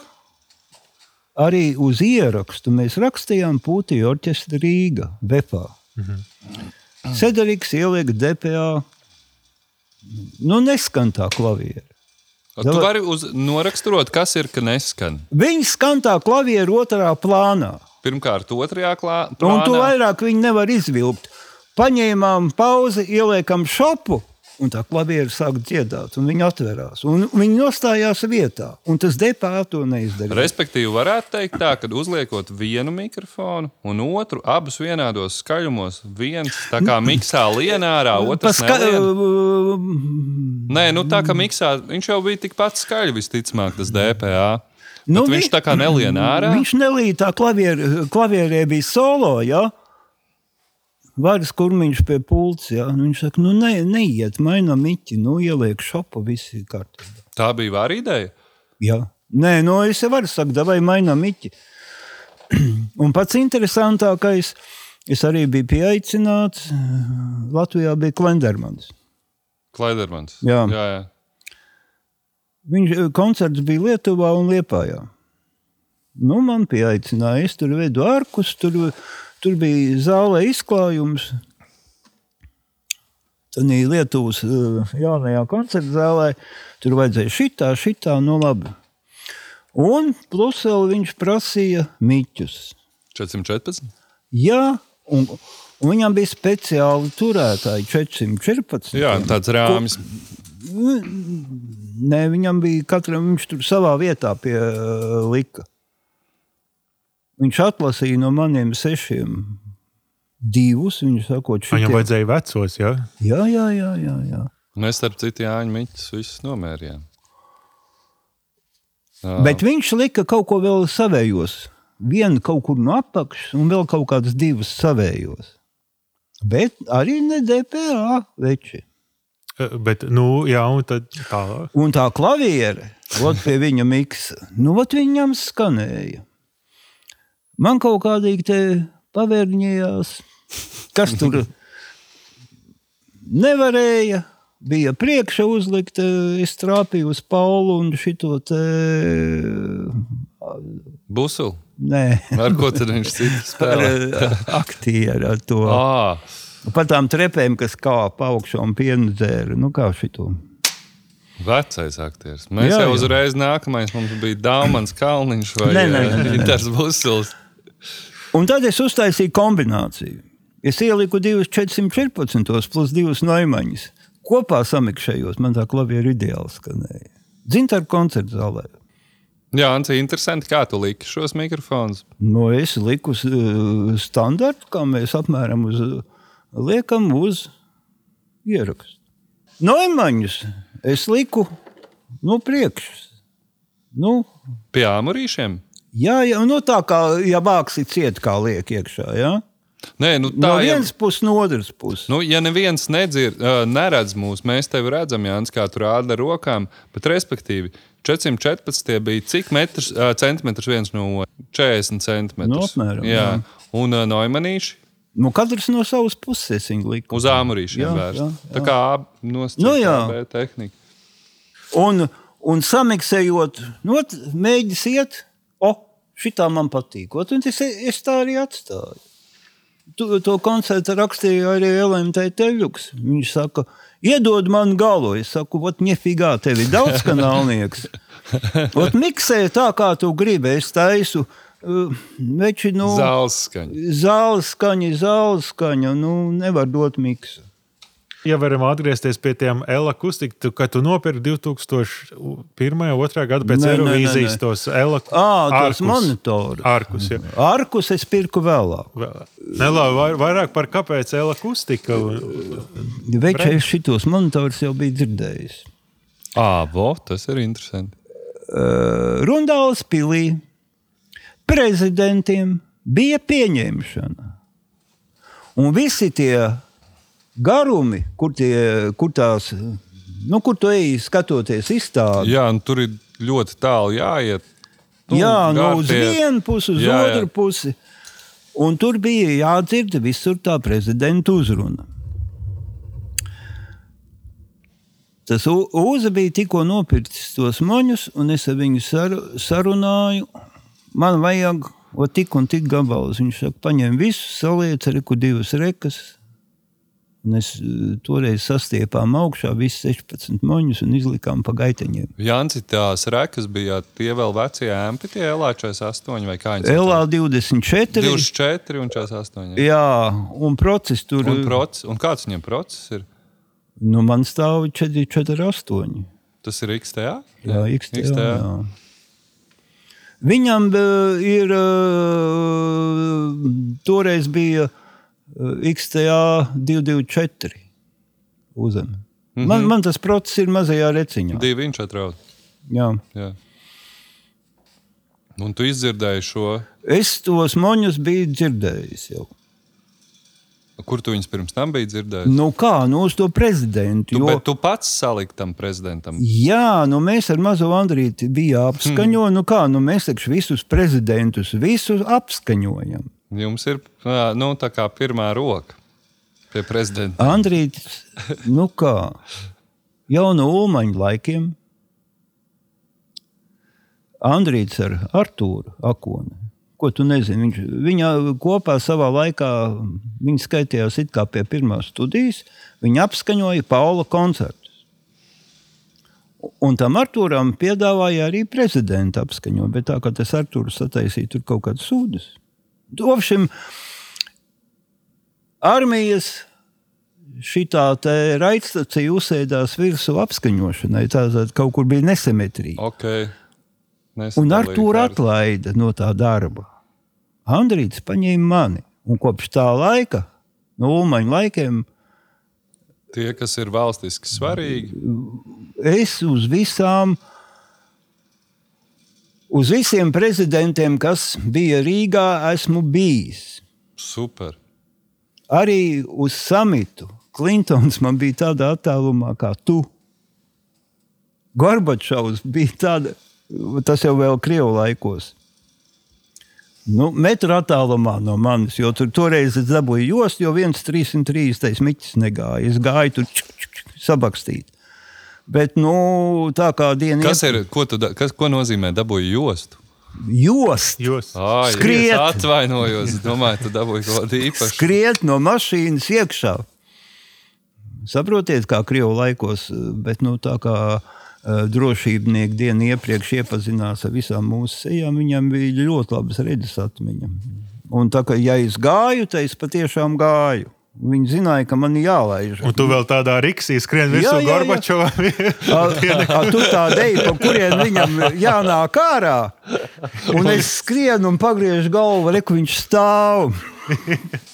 Jā, nu tās tādas interesantas uh, atmiņas. Nu, Jānis, nu, ir vērts dzīvot šādu Nu, dzīvi. ir, jā, nu, principā, nu, nu, vairāk vai mazāk tas ir, nu, kā tā rādiņš visu laiku darīja. À, nu, vajag tur to, to ierakstīt. Nā, nu, jūs jau tur būsiet. Vai arī e, pasākums pie brīvības pieminiekļa.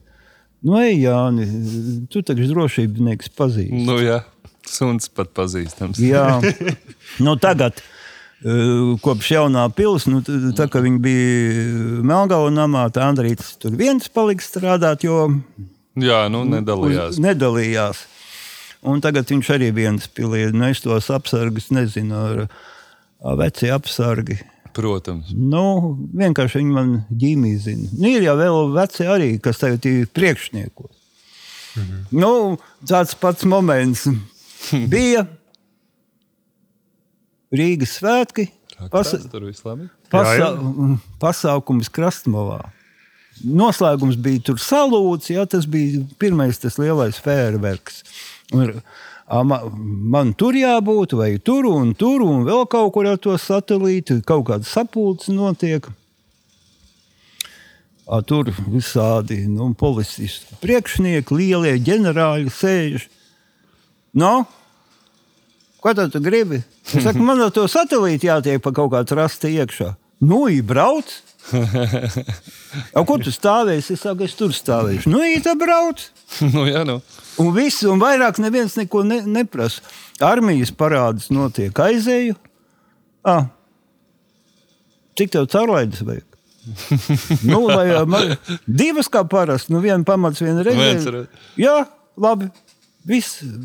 Tu esi sautīgos ā, nolūkos izmantojis savu dienas stāvokli. A, ko, a, ko es radio varu izmantot? Savu? Nu, respektīvi, tu vari nu, ievest savu kundzīti iekšā. Jā, uz šlāgeru, uz radio divu pasākumu. Nu, kā viss, agrāk Jānis, ko rādiņš darīja, translēja. jā, jā. jā. Cik tev vajag aprots? Es saku, sešas. Nopietni. Sešbārnu tēvs. Nē, nu kā, es šoferis un vēl draugi. nu, bet tas uz svētkiem.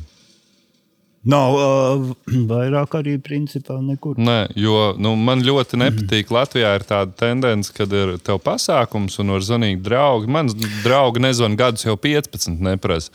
Man liekas, ka tas ir tāpat kā iedot, ja tev pieder veikals, piena paku pavelti. Nu, labāk Tu ir tieši zini, divreiz vairāk draugiem Kas tas samaksāt. bija? Bet, Kaut- uh, izņemot kaut kāds- svētkus, protams. Kaut kā bija kaut jā, bija prāta vētras koncerts uh, Mešparkā. Tas, kas bija pēdējais. Ja? Nē, nē, nē, tas man liekas, kas bija pirmais. Un tad tur es caur organizatoru sev dabūju divas ielūgumus. Es ar kundzi gribēju iet paklausīties. Opšiem viss bija nokavēts, kaut kas tur bija. Es saku, vari izgādāt man. Jā. Nu, respektīvi, šādu Nu, iespēju man. tu iespēju, iespēju izmanto to- reti. Nē, es Neizmanto, Nē. principā. Es pri, Tā pietiekami godīgi. Jo es, skatos, uh, cilvēkiem tur ielūgumu pa labi, pa kreisi, taču rādiņam dod. Man vispār neviens neko nepiedāvā. Un tad mēs atgriežamies, jā, es kāpēc to vispār uh, prasīju. Tāpēc, ka pašā sarunas sākumā tu piera, pie, pieminēji frāzi komunisms, komunisms. Un, uh, man liekas, ka tas ir daļa, kas mūsos ir palicis šis komunisms. Kad ja tu tur esi, ka tu vari dot, bet tu tā nedari. Tu neesi. Mm, Tev nav tāda. Ir blātu sistēma, bet viņa strādā Nu, tā, ka. Latvijas sistēma arī mūsdienās strādā. Nē, es tieši tā, viņi strādā, bet viņi ir uh, savādāk, tie vēzīši, vai kā to pateikt. Nu, jā, jā.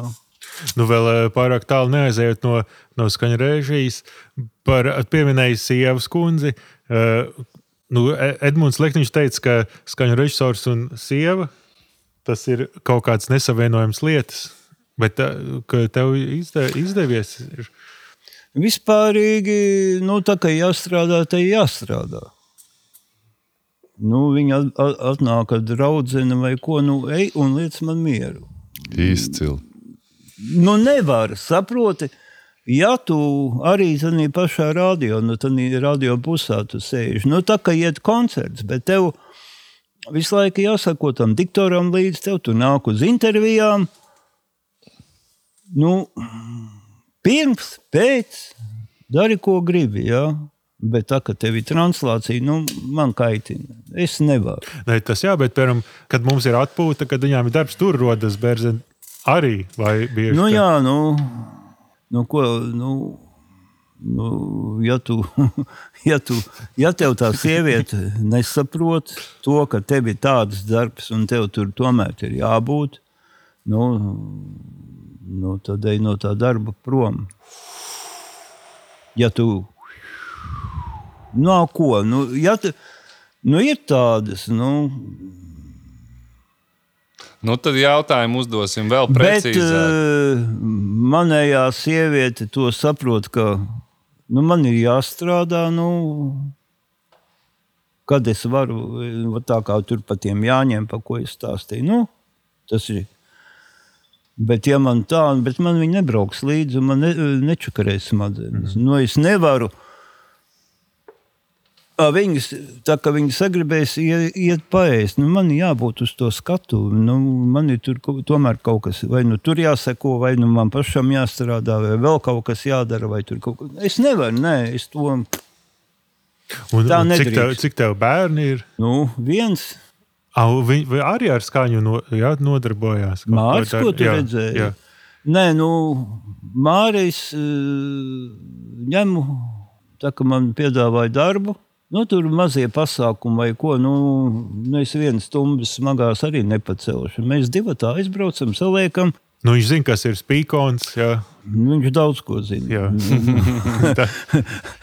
Salīdzinot ar mani, viņš ir beidzis muzikas skolu. Viņš tos notiņus ļoti labi pazīst. Uh, Runājot par to, ko- es te nu, tā, man piedāvāju, to tautas mūzikas koncertu apskaņot. Nu, tas bija sakarā nu, gadus jau atpakaļ ar dziesmu svētkiem. Nu, tur man principā stāvēja divas pultis, jo tur bija baigi daudz tie miķi. Un tur bija tāda solisti vai vēl kaut ko, un tur man noliek notis priekšā. Es nolieku viņu sev blakus. Saku, nu man ir jāskatās, ko spēlē, man jāklausās. Es saku, tu man suflē priekšā, kurš, kas, ko, kā. Jo notim izsakot līdzi pie apskaņošanas, nu nevar. Ko es uh, gribēju pastāstīt vēl, kas ir sa saistīts ar rādiņu darbu un apskaņošanu interesants uh, moments. Kā jūs saprotat, pirmā apskaņošanas firma, kas vispār Latvijā bija, bija tāds Bulsons. Es... jā, kas tas ir ēdis? Un, Nē, Jermučs. Boris, Ah. Uldis Stepans un Linards Ah. Augsnis. tie nav nemaz tūmā. Lināru gan mēs nezinām. Nu, es atkal viņu ļoti labi zinu. Bet uh, iet pa uh, citu lietu. Nu, tas uh, Boris tur ar Ulu bija sabūvējis savu to pirmo aparātu. Kāpēc es uh, nu, visu šo kompāniju, tur Eidi, uh, Borisu, es satiku. Tā kā es sāku filharmonijā no rādiņa strādāt, aizgāju pie viņiem tur. Un Boris man piedāvā, ka mums tur ir laikam tā bija kaut kāda saudas saule. Un vēl iepājā kaut kāds koncerts. Nu, lat latvieši, ja? Vai tu vari atbraukt līdzi? Es teikšu, jau, nu, kā jūs saprotat, rādiņā strādājot, tu visas tās komutācijas, nu, dien dienā vajag daudz miķi. Tas Boris man pieaicina līdzi. Un Stepanam Uldim, kas tur bija brālis vai vēl kaut kas. Un principā tu komutēsi skatu. Noliek man cilvēku blakus, un tas, ko es daru, kāpēc es tapoju, kā es tapoju. Nu, man iedod input, līdz man tas Tu pirmo reizi mūžā viņu redzi. Nu, es viņu pirms, pirms koncerta man iedod, man, mums vajag šitā satapot. Es tur čing, čing, čing, čing, čing. Un tas pats bija ar Edi. Edis nolīga man uz kaut kādām divām dienām. Es neatceros, kurš no tiem viņa jaunajiem ceļiem, bet tas pats notika ar Eda kompāniju. Tad jau, kad Edis bija. Nolika man cilvēks, visu laiku gāja blakus un skatījās, ko es daru. Jānis, tas nozīmē, ko? Kāpēc? Mani algot Edim un Borisam bija neizdevīgi. Man bija daudz jāmaksā. Cik? Nu, es neatceros, nu, kā, kā ir ražņica. Viņš man nolīga uz, tām, uz tiem diviem koncertiem. Un veči mācieties un prasiet Jānim, ko viņš dara. Pēc šīs reizes viņš ir vēl kādreiz zvanījis tev. Nu, Boris, eh, tā kā, nu, redzi, tā kā man parādījās tie monitori, pa ko mēs te runājām. Un es eh, viņu sāku, nu, man viņas, tā kā man jau viņu visu 16 es iegādājos. Man jau viņi nebija vairāk kur turēt.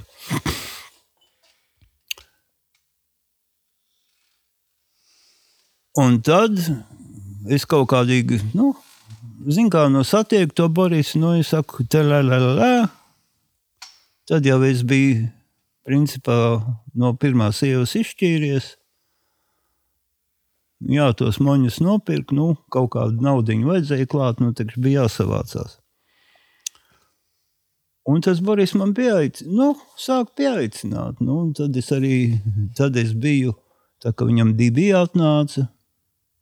Nu, kopš tiem laikiem es ar to Borisu kopā strādāju. Viņš man pieaicināja uz koncertiem, tāpat tapoju.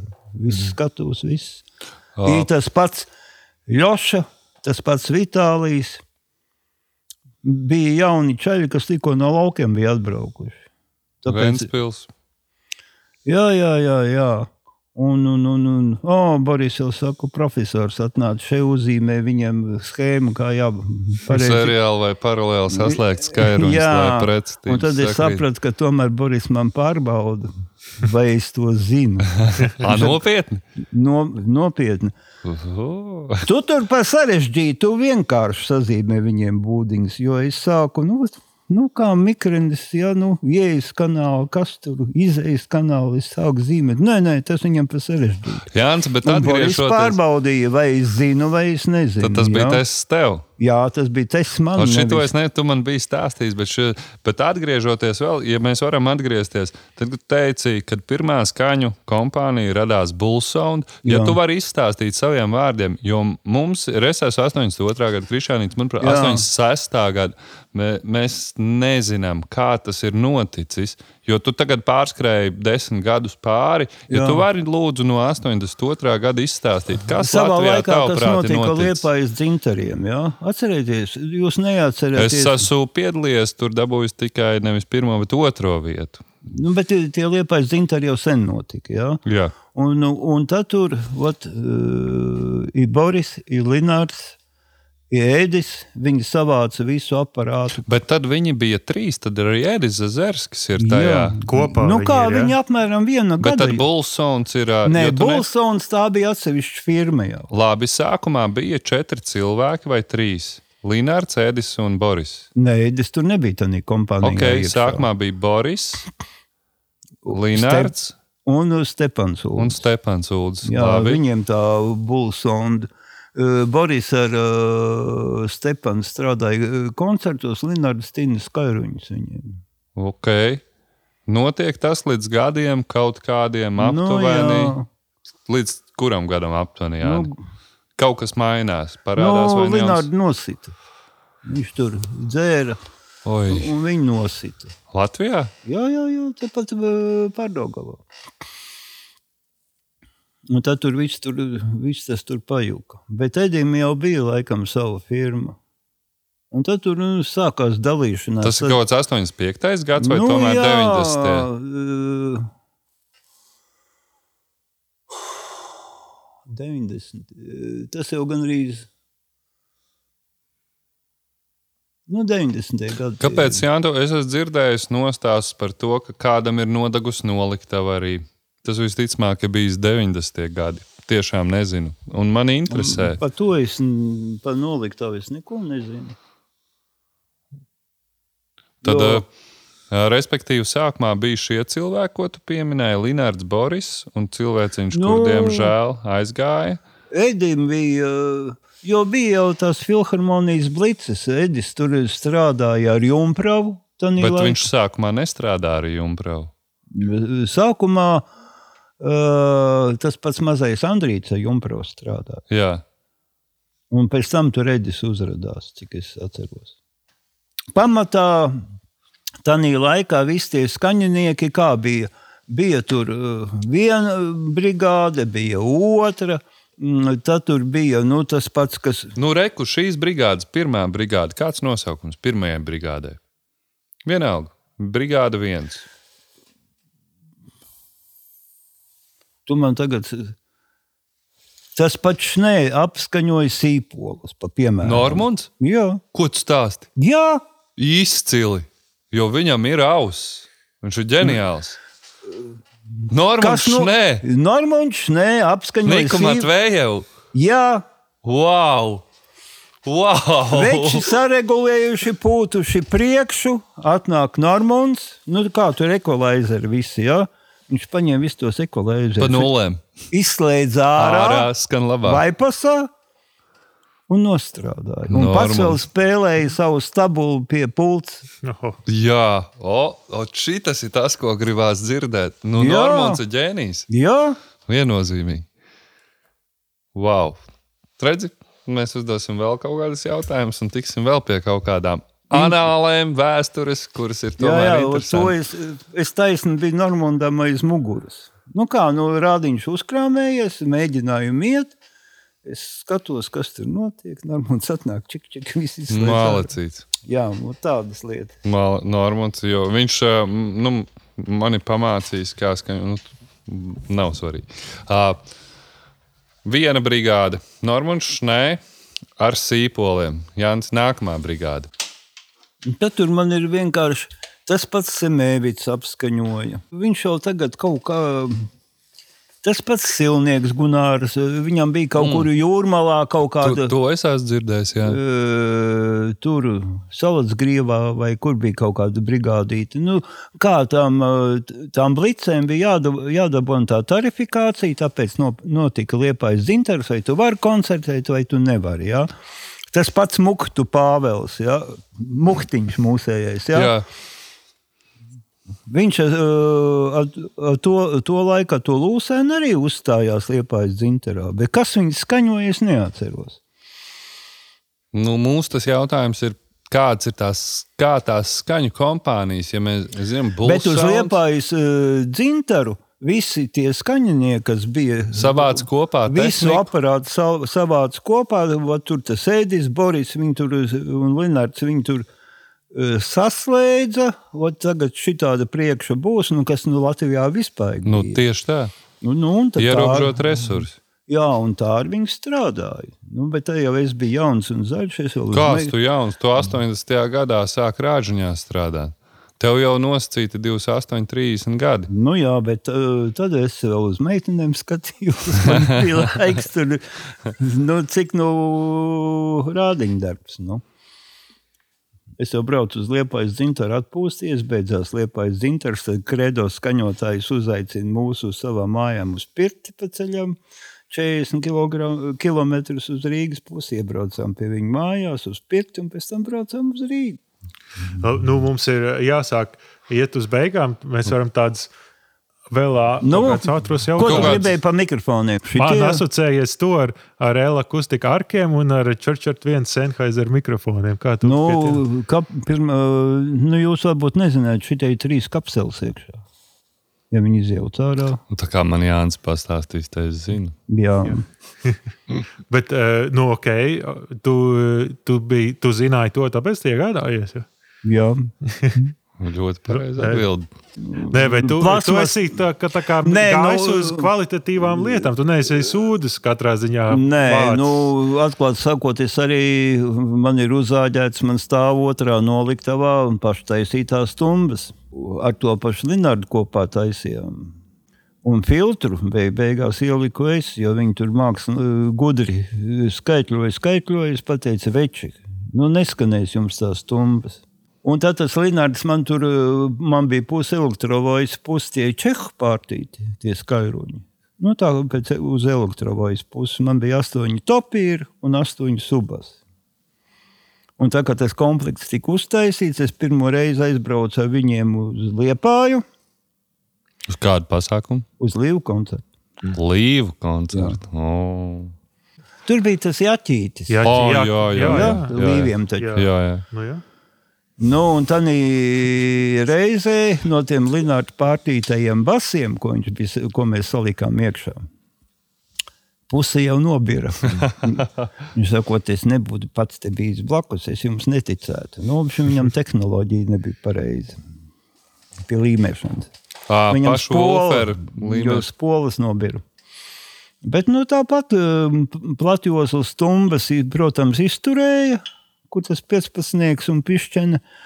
Nu, tas esmu ar viņiem apskaņojis tur vienu pasaukumu, otru, nu, kaut kas lielāks. Es braucu ar viņiem, viņas tās stumbas krāmē, viņas normāli skanēja. Nu, tā laikā. Nu. Retrospektīvi, nu, jā, nu, salīdzinot ar laiku. Nu, Jā, tad tiešām. un uh, tad no tā laika es esmu sapratis vienu lietu, kas man ļoti nepatika. O, tā kā tur teiksim, tas pats Bulsons, dalītas apakšas, vidi, tādi vidi, vēl Ar kaut kas. procesoru tev nepatīk. Pareizi. Ne arī skaļi. Nē, nu viņi tur krāmēja kaudzi. Jā. Teiksim, tās, to, ko es uztaisīju, nu, es saprotu, es lielo koncertu neapskaņošu.